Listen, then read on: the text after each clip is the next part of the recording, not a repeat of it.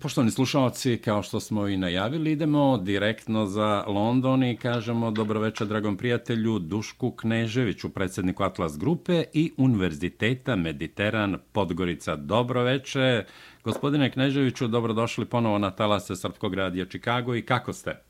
Dobroveče, bolje vas našao, evo, dobro sam, hvala što se opet čujemo, pozdravljam sve vaše slušalce i pratioce po socijalnim mrežama i drago mi je što u tom dijelu svijeta mogu da se čuju i da čuju da šta se dešava u Crnoj Gori.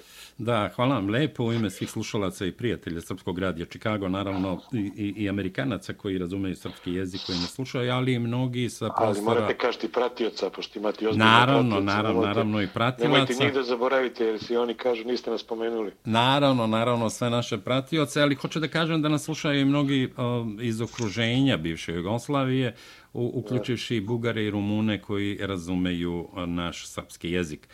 Evo ovako, gospodine Kneževiću, pravi zemljotres u Crnoj Gori izazvalo je podizanje optužnice od strane Višeg suda u Podgorici protiv vas za aferu Koverta i odbacivanje odgovornosti bivšeg gradonačelnika Podgorice i aktuelnog šefa kabineta predsjednika Crne Gore Mila Đukanovića Slavoljuba Miga Stjepovića, koji je od vas primio kovertu sa novcem. Molim vas za komentar. Pa u pravu ste, u prošle nedelje baš bio, ako da kažem, ponovo politički zemljotres, očito, kad se koverta izvadi ili stavi u džep, ili se izvadi iz džepa, ili se izvadi u javnost, izaziva opet politički zemljotres. Nevjerovatno da je ta, da kažem, a, sadašnji sastav tužilaštva i, i sudstva u Crnoj Gori mogao na nešto da uradi što je cijel svijet video jednu a, klasičan a, politički reket koji se dešava u Crnoj Gori i kojem nisam samo ja izložen, su svi ostali privrednici koji se bave poslom u Crnoj Gori, ali očito nisu imali hrabrosti da progovore i nisu imali u toj meri da se odupru Đukanoviću kao što sam ja uradio. Mislim da je ovo veliki šamar i za Crnu Goru kao državu, posebno za poglavlja 23 i 24, gde Crna Gora mora da sredi ovaj ljudska prava i stanje i stanje i stanje u pravosuđu. Na način da su koji su odradio je a, viši sud je potpuno nesvatljiv, posebno je nesvatljiv za neke međunarodne adrese.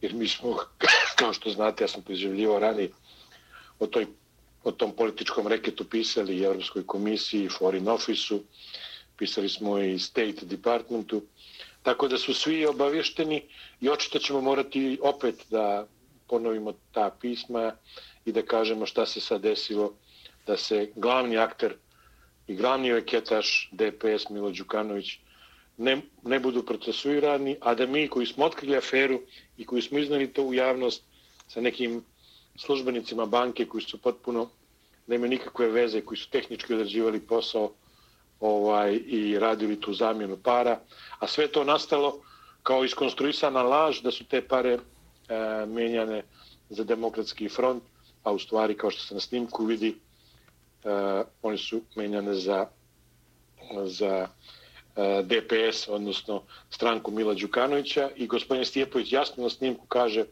evo nosim ove pare za naše partijske aktiviste i uvijek imam tremu kad moram pred Milom da nastupim. Tako da je, e, jako su dobro reagovali sve političke partije, ja bih se ovim putem se zahvalio, ja, e, reagovali američka ambasadorka, nevladin sektor je također a, e, dobro, dobro, dobro reagovao.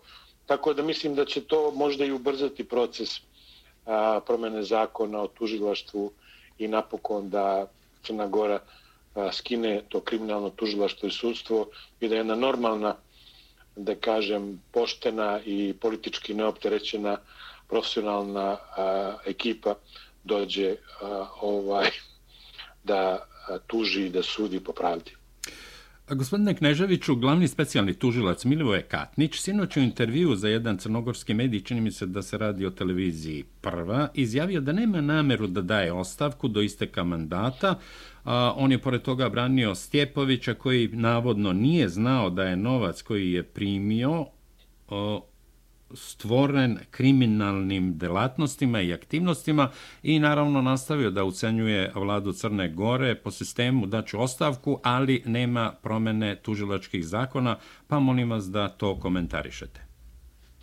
Pa stvaran je svaki osinošnji nastup e, e, uh, uh, Milove Katnića na TV prvoj uh, E, e, e, CG, kako se zvanično zove televizija, i ne shvatio kako on ucenjuje. Do sad je ucenjivo da će on podneti ostavku, a, samo da se ne diraju Lazović i a, još jedan iz policijskog tima, ne mogu sjetiti sad tačno kako se zove. A kad su smenili Lazovića, u stvari njegovu a, udarnu pesnicu, jer je Lazović poznat kao vođa ovog grandovskog klana, klan koji se bavi nelegalnim stvarima, ilegalnom trgovinom, e, prometom narkotika i klan koji radi sve građanske poslove po, pod zaštitom Mila Đukanovića u Crnoj Gori. I klan koji je gradio tu kuću, njegovu vilu, oko koje je bila ovaj velika uh, i gužu i oko svega toga, na koji Katnić nije objasnio odakle mu ta vila i odakle mu tako uh, ti skupi radovi u jednom uh, kamenu i u jednom ambijentu koji je jako teško pristupačan, a onda su napravljeni prilazni putevi, napravljeno je sve to što treba i e, on sad pokušava da ucini novu parlamentarnu većinu da se ne, ne usvaja zakon o tužilaštvu kako bi on ostao na, na tronu. On ostaje na tronu da bi štitio i dalje familiju Đukanović, Mila, Aca, Anu i sve one koji su povezani s njima u tom, e, u tom e, lancu nelegalnih poslova, jer pokušavaju ti ljudi sad kad je došla nova vlast da nekako spase svoju imovinu, spase svoju glavu i da iznesu što više para ako mogu i Crne Gore kako bi da nekoj mirnijoj destinaciji nastavili trošili ono što su pokrali od crnogorskog naroda. Gospodine Kneževiću, Minovoje Katnić je sinoć izjavio i optužio ministra kapitalnih investicija Mladena Bojanića odnosno nije prihvatio njegovu optužnicu da je optužnica protiv Slavoljuba Stjepovića namjerno loše napravljena kako bi bila odbijena i da bi Bojanić trebao da vrati milion evra građanima Crne Gore koje je uzeo njegov holder, broker. Ovdje se stalno govori o nekim basnoslovnim ciframa, prosto ponekad čoveku stane pamet od toga, a sa druge strane Pomenuo je i suvlasnika koncerna vijesti Željka Ivanovića i neki 400.000 evra koje su mu stigle iz Rusije. Ko je taj Milivoje Katnić i na koji način on drži, ajte da kažem kao taoce, neke ljude čak i iz nove vlasti, prosto može jednostavno da kaže, evo ja neću da podnesem ostavku. Pa sigurno da on raspolaže raznim podacima koje dobije preko tajnih službi ili preko agencije za sprečavanje eh, pranja novca ili eh, eh, nekim istražnim radnjama koje su sprovodene i onda kad mu se desi da mu neko zatreba, on vadi te stvari. Sigurno znam da je bivši ministar bio vlasnik holder brokera, bio i kod nas jedno vrijeme u grupi, bio direktor jedne od, od dve berze koje smo mi privatizovali i osnovali u Crnoj Gori, a pretpostavljam da su to neki podaci iz poslovanja te brokerske kuće i svega toga, jer je Mladen Bojani s razlogom prozvao da je optužnica loše napisana, da, loše, da nije napisana, nego da je kao za pranje para, a neke niko ne spominje politički reket i ono što su što se vidi na snimku i što, je. što je jasan sadržaj video snimka koji je desetinama miliona puta prikazan uh, širom svijeta. Tako da on manipuliše, igra se sa tim podacima koje imaju, što kažu naši ljudi, u fioci i onda ih vadi po potrebi. To isto uradio demokratama, neke snimljene razgovore između tadašnjeg, e, mislim da je gradonačelnika, e, jeste, gradonačelnika Budve e, Krapovića i nekog, i mislim da li je bio direktor direktor partije ovaj neki razgovor i onda on to tako pušta, a znate sami da takve podatke e, koje se prikupe istražnim radnjima strogo je, strogo je zabranjeno, osim ako nemaju zvaničan sudski epilog, ali evo, kod nas može tužilaštvo da vradi, da pušta, saslušanje vaše koje date tamo koje je strogo zabranjeno i advokatima i onim tužilaštvo to pusti nezvaničnim kanalima preko nekih medija koji su njima bliski. I to tako ide u, u, u javnost. I tako se vama sudi prije nego što ste došli do suda i do dokaza i do veštaka i do izvođenja dokaza, eto tako funkcioniše crnogorsko tužilaštvo i pravosuđe. To ste dobro primijetili. Da, uvaženi gospodine Kneževiću. Izbori u Nikšiću. Zakazani su za 14. mart u rodnom gradu Mila Đukanovića i za njega je to biti ili ne biti i za Demokratsku partiju socijalista. Formirane su i neke male stranke, ja iz ovim fantomskim strankama upravo pred ove izbore, pa vas molim da evo, na neki način sublimišete tu situaciju, predizbornu situaciju u Nikšiću, gde se dešavaju razno razne, veoma, veoma čudne stvari prema ispitivanja javnog mnenja. Koalicija za budućnost Nikšića, čiji je stožer Demokratski front, treba da osvoji nešto preko 40% glasova Nikšićana, ali u svakom slučaju izvolite, molim za komentar. Pa interesantno je, e, svaki dan su pune novine i, i mediji, i socijalne mreže i portali dešavanjem u Nikšiću, očito se radi kao da je rat u Crnoj Gori, a takva atmosfera nije bila čak ni za referendum 2006. E, godine, očito da je Milo Đukanović shvatio ko izgubi svoj rodni kraj, svoj rodni grad, da mu je to kraj i političke karijere i svega onoga što je radio, jer kao što znamo, Milo je došao sa tim demonstrantima koji su došli iz Nikšića preko Žute Grede i Žuta su grede, tadašnju, tadašnju vlast. Došli su na talasu pokreta koji je došao iz Srbije, došao na talasima i na, i na leđima Srba. Milo je tada bio veliki Srbin i veliki prijatelj Slobe Miloševića. Nažalost, posto se pokazao kao oce ubica. I sigurno bi mu mnogo značilo kad bi mogao moglo da ostvari rezultat u Nikšiću, ako je potpuno, potpuno nemoguć, jer očito Milo Đukanović napuštaju čak i najbliži, najbliži saradnici. Što se mene tiče, ja podržavam ovaj, e,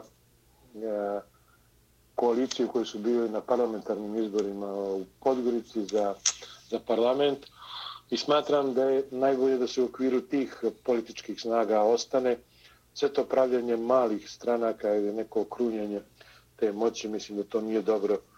Eh, ja ne bih ulazio u, u tu etničku strukturu, da li su srpske, da li su crnogorske, ali mislim da struktura koja je pro, prošla na parlamentarnim izborima treba da ostane, treba da ostane u punom sastavu.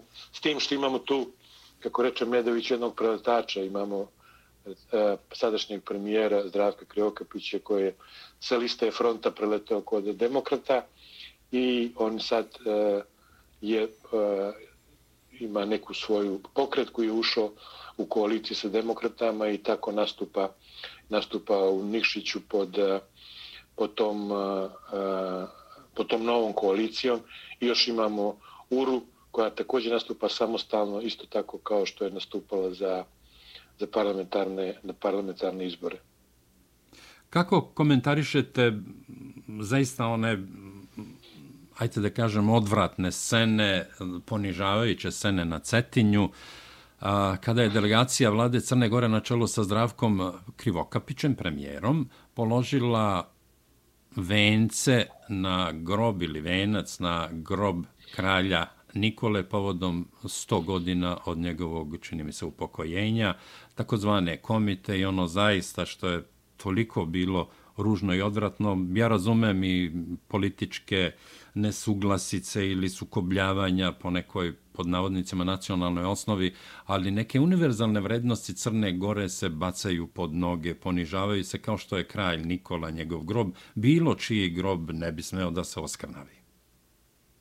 Pa mi smo imali te komite koji su delovali na, e, na na Ucetinju i oni su, i dok je premijer e, Kriokapić, e, mislim da je to pre 3-4 nedelje kad je htio da prošeta gradom i da se pokaže kako on demokrata i kako on može da komunicira sa svima, isto imao jedan brutalan napad, jedno veliko nepoštovanje, jedno veliko ponižavanje čovjeka koji je sad premijer Crne Gore i mislio sam da je opet pokušao da ide na mjesto zločina jer je mislio da može sa svojim autoritetom i sa svojom snagom da se suprostavi, a desilo se suprotno. Oni su na jedan brutalan način ga ponizili, gađali, vređali, tako da o, ta, taj koji ga savjetao u ovom momentu da radi ovo, mislim da, je, da su mu pogrešni savjetnici, a posebno što ljudi sve više ističu njegovu sklonost kao alkoholu i to se u narodu dosta, dosta provlači, dosta se izlače neke slike njegove u pijanom stanju, u, u nekim e, posebnim raspoloženjima, da kažem u nekoj euforiji, E, puno maligana i to ne stvara jednu dobru sliku o njemu i jako mu ruši autoritet.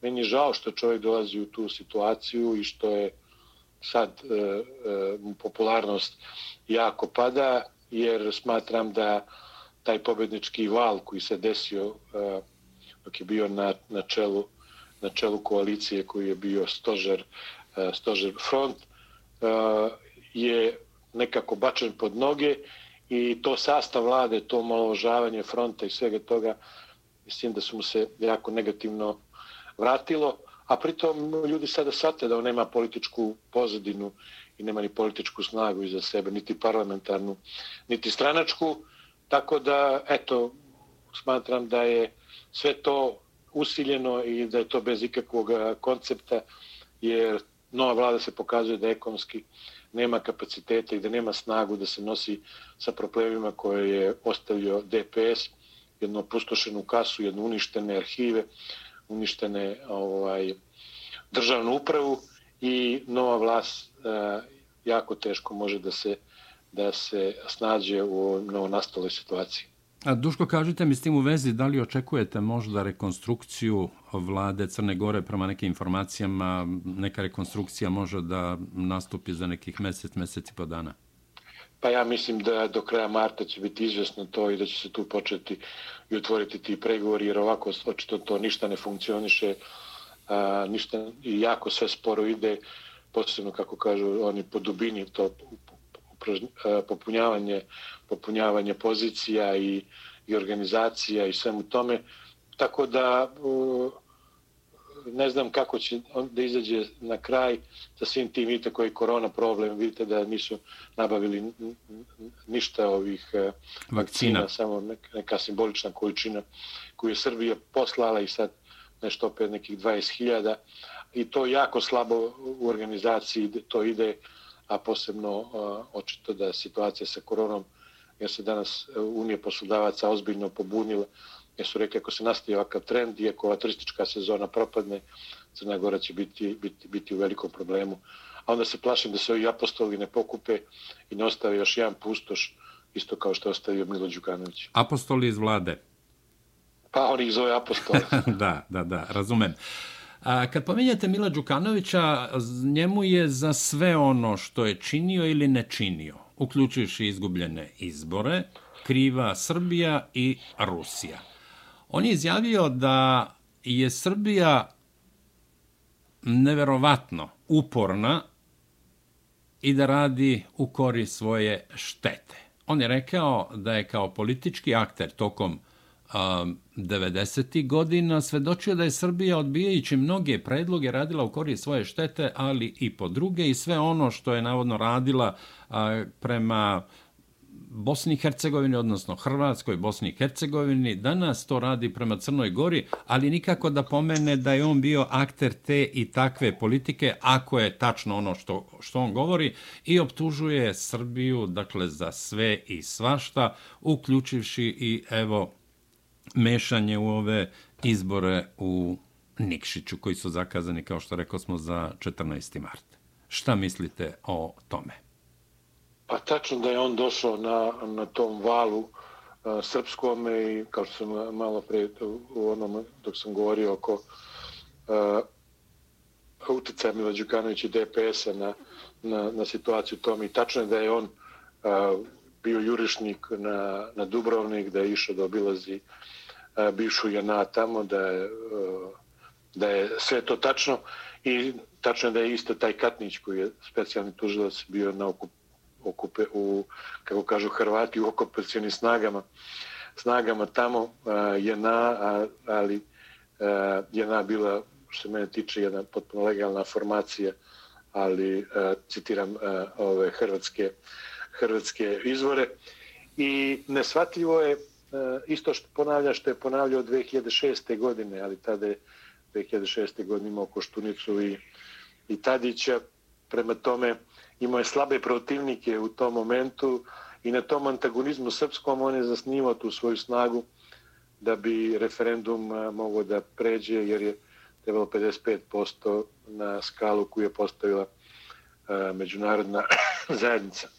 Tako da Đukanovićev je vokabular sada protiv Srbije je potpuno logičan jer eh, on više nema nikakvu eh, drugi rečnik, vidio sam sada napada zbog korone, što je u pravu, ali ta korona nije nastala zbog sadašnje vlade, nego zbog prethodne, jer je prethodna morala da ugovori nabavku, nabavku vakcina, kao što su radile sve vlade, a ne da ovaj razlači predaju vlasti, davanje, davanje mandata i da tek posle četiri mjeseca imamo formiranu vladu, da za te četiri mjeseca potpuni vakum i haos u, u upravljanju i u državnoj upravi u Crnoj Gori. Tako da mene ne, iz, ne, ne, izna, ne iznenađuje ovo i u tom vokabularu on će do, da opstane sigurno do sljedeće nedelje kad su, kad je, to još nedelju dana imamo tako do petka je posle ide da, ovaj, izborna tišina. Tako da evo, imaćemo još, još nedelju dana da, da se trujemo, da kažem. Milovim svak... ekvilibristikama mentalnim. Jeste, jeste, milovim akrobacijama i milovim ovaj, navodnom ugroženošću Crne Gore, a ne kaže ovaj, on koji je imao fantastične odnose sa Srbijom nekad, pa i sa Rusijom. I, e, u Rusiji je bio na otvaranju moje banke, tada kad je bilo to, to smo radili zbog ruskih investitora koji su bili najznačajniji turisti i investitori u Crnoj Gori, ne samo u Crnoj Gori, nego možda i u regionu, onako, koji su milijarde eura doneli u Crnoj Gori. Ali evo vidite, on se brzo promijeni i, i neku ura, neku svoju. Ali mislim da sada nema snagu i deluje mnogo starački, deluje mnogo iscrpljeno, deluje mnogo bez, bez energije i mislim da mu se kidaju pipsi u tom sivom domenu jer smatram da i, i taj underground polako sada ga napušta jer neće da dili njegovu sudbinu. Da, on optužuje Srbiju za nekakvu ekspanzionističku politiku prema Crnoj Gori i konstatuje da su odnosi između Srbije i Crne Gore na najnižoj mogućoj pod navodnicima, kako on kaže, razini, odnosno o, nivou. I s tim u vezi, molio bi da prokomentarišete upravo te neodnose koji su kulminirali proterivanjem ambasadora Božovića, dakle diplomatski odnosi su bukvalno ravni nuli. Dakle, proterivanje ambasadora Božovića, ambasadora Srbije u Crnoj Gori. Nažalost, odnosi Srbije i Crne Gore su možda najgori u istoriji, kako su počeli čak ni za vreme Miloševića, kada Milošević uvodio sankcije Crnoj Gori, nisu došli na takvu, dakle, braća Hrvati razinu, a posebno sada kada su Crna Gora opozvala i ambasadora Božovića E, Tarzana Miloševića, tako da e, nivo diplomatskih odnosa je jako nizak i ne vidim u nekom, u nekom periodu da će se to brzo srediti, posebno što sada Crna Gora mora da traži greman za, drugog, za novog ambasadora, što mislim da se neće desiti nikada. To Srbija neće dobriti e, dok se ne reši statut ambasadora Božovića i dok ga, dok, ga, dok ga ne vrati, jer ne radi se tu ambasadoru Božoviću, tu se radi o Srbiji i o maložavanju Srbije i o pruženoj ruku koju je Srbija dala i za vreme korone oko respiratora, sećate se svega toga. Naravno, da. Tako je ponudila ekonomsku pomoć oko završetka autoputeva, zajedničkih investicija u domenu energetike i svega toga, jer vidjeli ste da Srbija gazi kao jak ekonomski tigar i u sve kritike koje idu možda na račun predsjednika Vučića, ali rezultati na ekonomskom planu i na onome što radi u zaštiti a, srpskih interesa stvarno je za svaku pohvalu.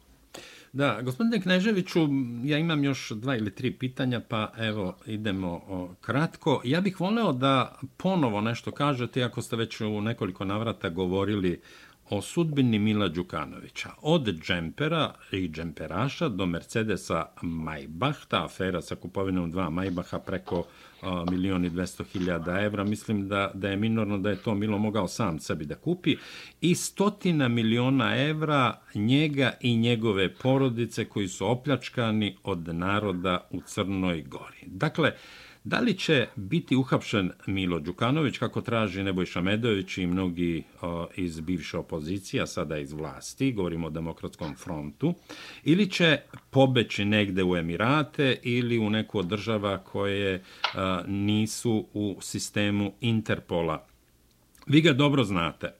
Prema našim informacijama, uskoro će biti i aktivirane optužnice za šverc cigareta u Italiju, Evropsku uniju. Pa šta kažete, da li će Milo biti konačno razvlašćen i uhapšen?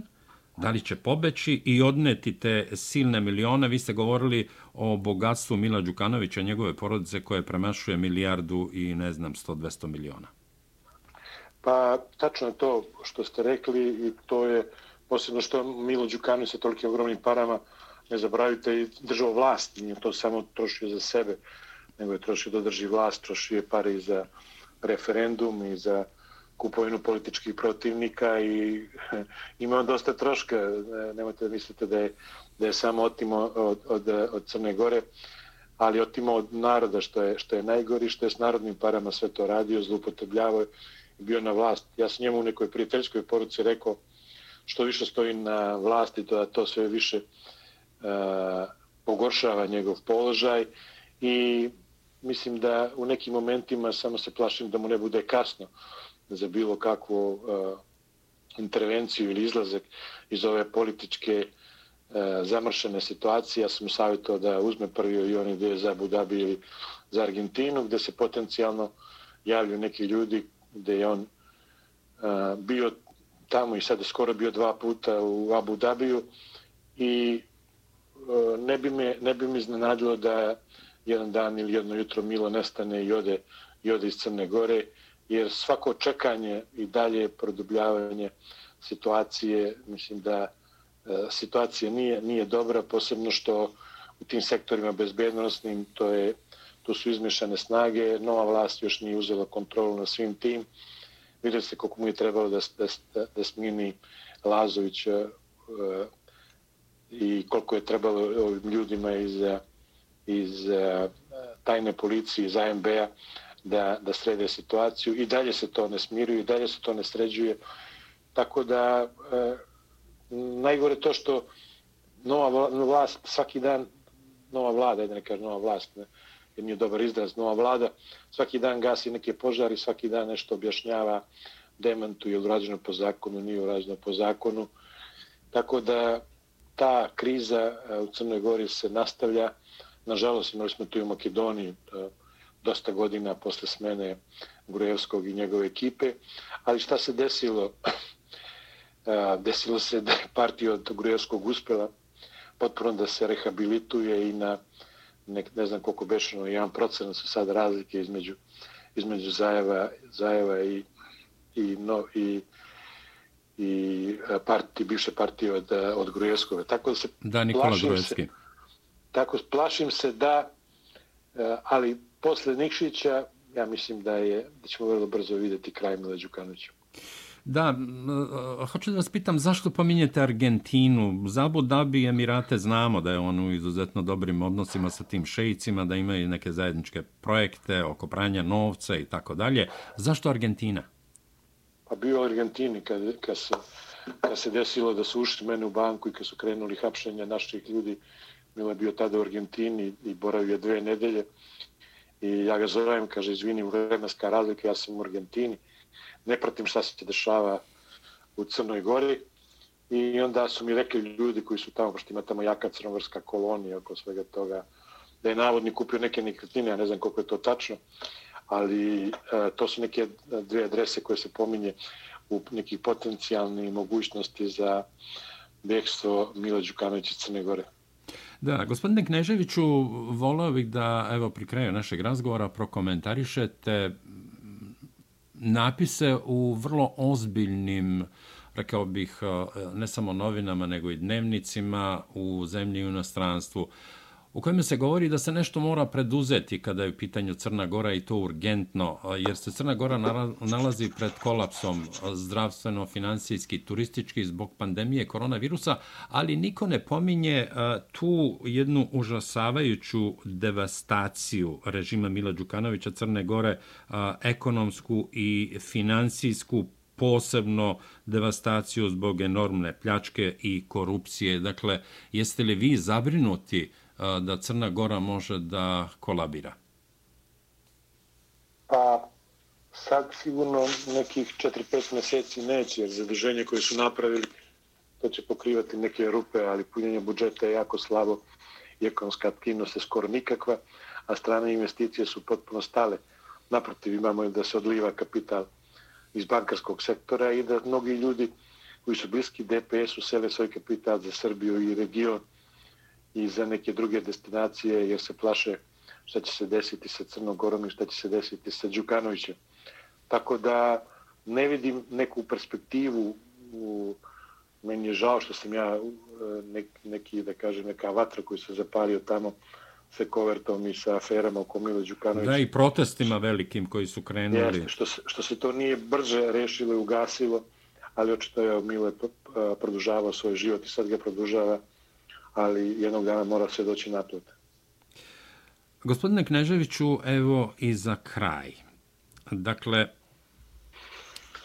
kada planirate i da li je moguće planirati vaš povratak u Crnu Goru? Posle skidanja Interpolovih poternica izgledalo je da ćete vi vrlo brzo doći u Crnu Goru i konsolidovati ne samo svoje poslove, nego na neki način konsolidovati ekonomski i Crnu Goru svojim iskustvom, znanjem i vezama u inostranstvu, ali i u Srbiji, jer ste govorili da vi planirate kad se vratite u, u Crnu Goru da se zalažete za brisanje granica između Srbije i Crne Gore, da a, ekonomske veze se ojačaju i tako dalje i tako dalje.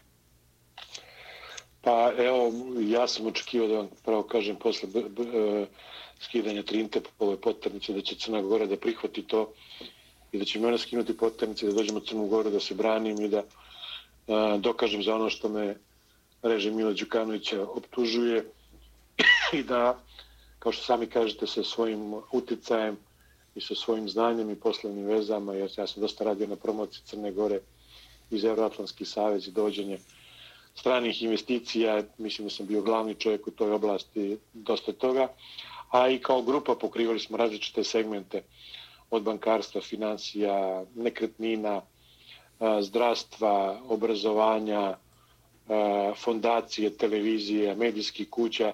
Bili smo jedan, jedan značajan faktor u svemu tome i ja nisam to samo gradio onako da neki svoj interes da bih samo pravio neki profit, nego mi je bilo uh, stalo da napravim taj novi imidž Crne Gore i da mladim ljudima napravim prohodnost da se obrazuju i da mogu da idu u inostranstvo, da imaju neku oskočnu dasku iz Crne Gore i normalno da se to budu naši ambasadori i ljudi koji će se sutra vratiti i biti neka udarna pesnica Crne Gore, jer sami znamo da odliv mozgova sa naših prostora je dosta izražen, ali e, u, isto, u, isto, u isto vreme kao što Srbija ima jaku dijasporu, to opet i snaga države u, neko, u neku ruku jaka, jaka dijaspora, vi to dobro znate tamo, pošto se zalažete zaista za, za srpski interes i znate koliko to znači kad imate jaku koloniju u kojoj živite i, i kojoj radite.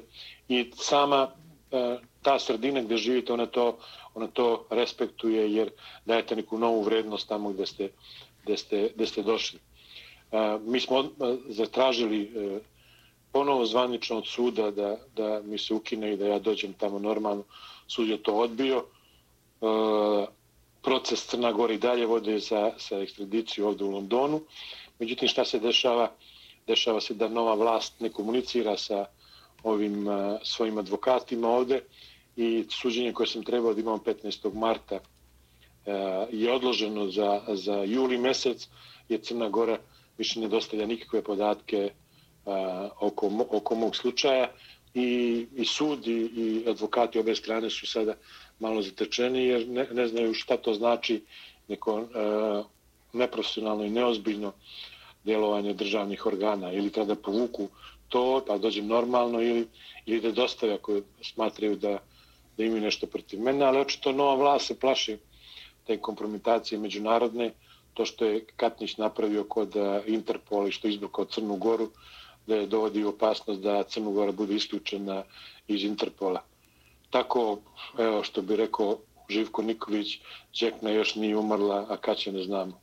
da, ali s tim u vezi, evo, imate li išta izvesno u smislu vašeg povratka u Crnogoru? Pa nemam ništa da, da budem iskren, čekam promenu tužilaštva, mislim da je to najbitnije i možda u toj nekom sljedećem koraku uh, da se to desi.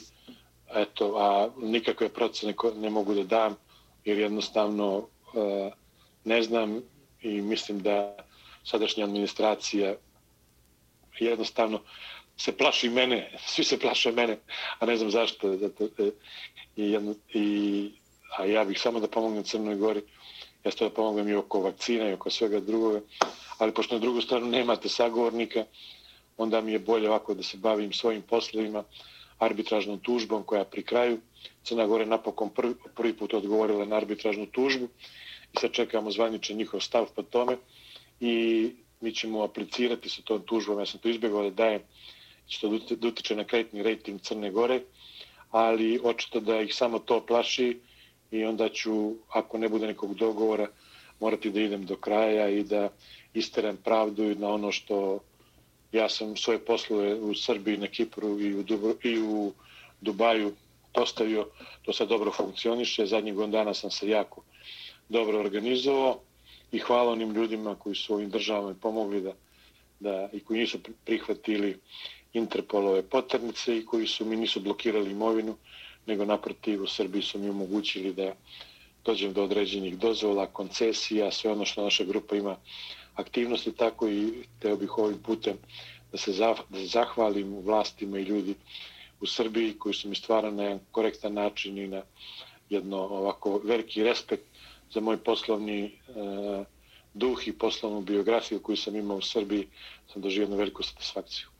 Da, gospodine Knežević, evo i na kraju, ako dozvolite, ja bih eh, hteo da kažem da eh, kada sam ja lično u pitanju moje porodica, mnogi moji prijatelji ovde u Čikagu i okoline, bez obzira eh, da li su iz Srbije, iz Bosne i Hercegovine ili iz nekog drugog kraja bivše Jugoslavije, govorimo o Srbima i srpskim prijateljima, prosto jedan poseban odnos. Ja imam prema Crnoj Gori, naravno, pod broj jedan Srbiji, pa pod broj jedan opet i, i, i Crnoj Gori, Bosni i Hercegovini, Makedoniji, ali evo, govorimo sad o Crnoj Gori, dakle, Crna Gora je zemlja, država, za koji ja gajim posebna osjećanja, posebno tamo sam služio i armiju neki godinu dana, prošao uzduž i poprek, upoznao predivne ljude, dakle, jedan dobronameran narod, ono, znate, kad vas neko gleda sinovski, kad vam se obraća sinovski, sa druge strane imam i kumove i u Nikšiću, i u Podgorici.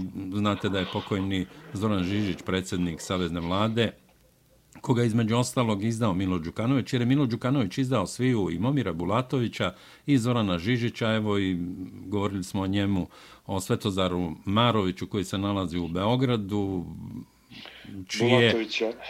Da, Bulatovića i tako dalje. Prosto jedan odnos prema Crnoj Gori svi imamo onako, kako bih rekao, sa mnogo ljubavi i poštovanja, ali neki ljudi kao što je Milo ili ti nekakvi komiti, ne, ne znam ko su ti ljudi Montenegrini, prosto pokušavaju da to izmeste i, i, iz te duše i iz srca svi u nas, da vežu tamo negde za Italiju, za neku proustašku uh, Hrvatsko, naravno da cela Hrvatska nije proustaška, ali prosto na nešto što, što nije prirodno. I ta ljubav i ti osjećaj, to ne mogu da oni izbrišu. I, i to se nosi. Kažem, ja imam poseban odnosi. Evo, i sad se ježim kad govorim o Crnoj Gori i divnim prijateljima, uključivši naravno i vas i, i ajte da kažem, kumovima koji su više nego familija. Prosto voleo bi da se to zna i da i ovde uh, a, mnogi Srbi ili većina u 90% slučajeva, bez obzira odakle su Crnu Goru ne posmatraju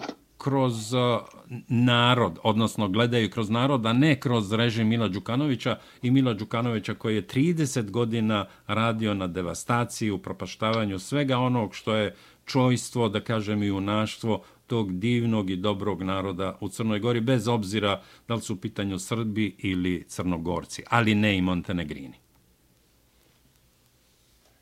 A, toliko ste observirali sve da nisam shvatio pitanje. Ja sam ne, ja sam samo hteo da konstatujem, pošto smo govorili o Srbiji i Crnoj Gori, da, da ljudi imaju poseban odnos i, i ja imam da, poseban da, odnos prema je, Crnoj Gori je, sa mnogo ljubavi. Da, to je, to je jača emocija nego sad neš, neka teritorijalna uh, definisanje teritorije, jer ljudi imaju mnogo prijatelja, mnogo veza, mnogo su uh, oženjeni udati sa te prostore i prosto je to, to više emotivno to došuljavaju i mentalno iznutra nego kao neku neku teritorijalnu ovaj Da, izvinite, ja nisam čuo nikoga čak ni u vlasti, znate da sam blizak sa mnogim ljudima i u aktuelnoj vlasti uh, u Srbiji, ali ovde među ljudima običnim niko nikad nije rekao da Crna Gora nešto treba sad ponovo da, da izgubi svoju nezavisnost, da postane deo nekog pod navodnicima srpskog sveta o kome govori Milo Đukanović, prosto činjenica je da je Crna Gora jedna ozbiljna država, govorim kad kažem Crna Gora, ali ne i vlast i ono što personifikuje Milo Đukanović i tu nema nikakvih dilema. Dve države koje treba da budu najbratske i najprijateljske su Srbija i Crna Gora. Da. Evo je neki, neki dobar glas, ću sve reći, ja pre neki dan zove moj drug Raš Radovanović, on, pošto on sad angažovan u Čačku tamo. Da, da, da, da. da. košarkaškog kluba i oko njihove škole košarke. On je košarkaš čuvene one generacije Bosne koja je osvojila jest, evropski šampionat. Jest, jest. I lično ga znam, tako je. Jest. I onda kaže, evo, sedim, kaže, tu sa nekim našim velikim sponzorom iz Čikaga, kaže, koji je tvoj uh, veliki fan i pratite, kaže, da li možeš da ga, da ga, da ga pozdraviš? Ja kažem, moću. I on kaže, ja sam, kaže, Turović Saša, kaže, iz Čikaga, kaže, prati se od prvog dana i kaže, daj on su. Ja rekao, ja imam prijatelja u, u Čikagu, rekao posebno, rekao, gospodin Ravasi, rekao, Branko Tupanjac, o, to su, kaže, najpoznatiji Srbi, kaže, i najbolji ljudi u Čikagu. A, da hvala lepo, evo, pozdrav Kako? za Sašu Turovića. On je, koliko se ja sećam, mi smo se upoznali. On je bio na mom 60. rođendanu. On je iz Šačka, jedan sjajan, fini čovek, evo, veliki pozdrav i za njega. I na kraju, pa, vidite, hvala pomaže, vam. Pomaže zavičaj svoj, pomaže da. košarkaše, to je ovako, ja sam pošto ja bio u košarci, pa se malo i osjetio prema, prema sportu. Apsolutno i moj sin Goran je igrao nekad za, za Crvenu zvezdu, ali za petliče, odnosno pionire, već kako su izvali tamo u, u, u Beogradu. U svakom slučaju, uh, želim vam svako dobro. Hvala vam na vremenu koje ste odvojili za Srpski radio Čikago i ako Bog da uskoro do viđenja u Crnoj Gori. I do slušanja. I do slušanja, naravno. Da, ajde, pozdrav za sve vaše slušalci i pratioce, pozdravite vašu familiju i sve najbolje. Hvala od srca, čuvajte se, budite dobro. Poštovani slušalci, gost Srpskog radija Čikago sa velikim zadovoljstvom, ponovo kažem, bio je profesor dr. Duško Knežević, predsjednik Atlas Grupe i predsjednik Univerziteta Mediteran Podgorica.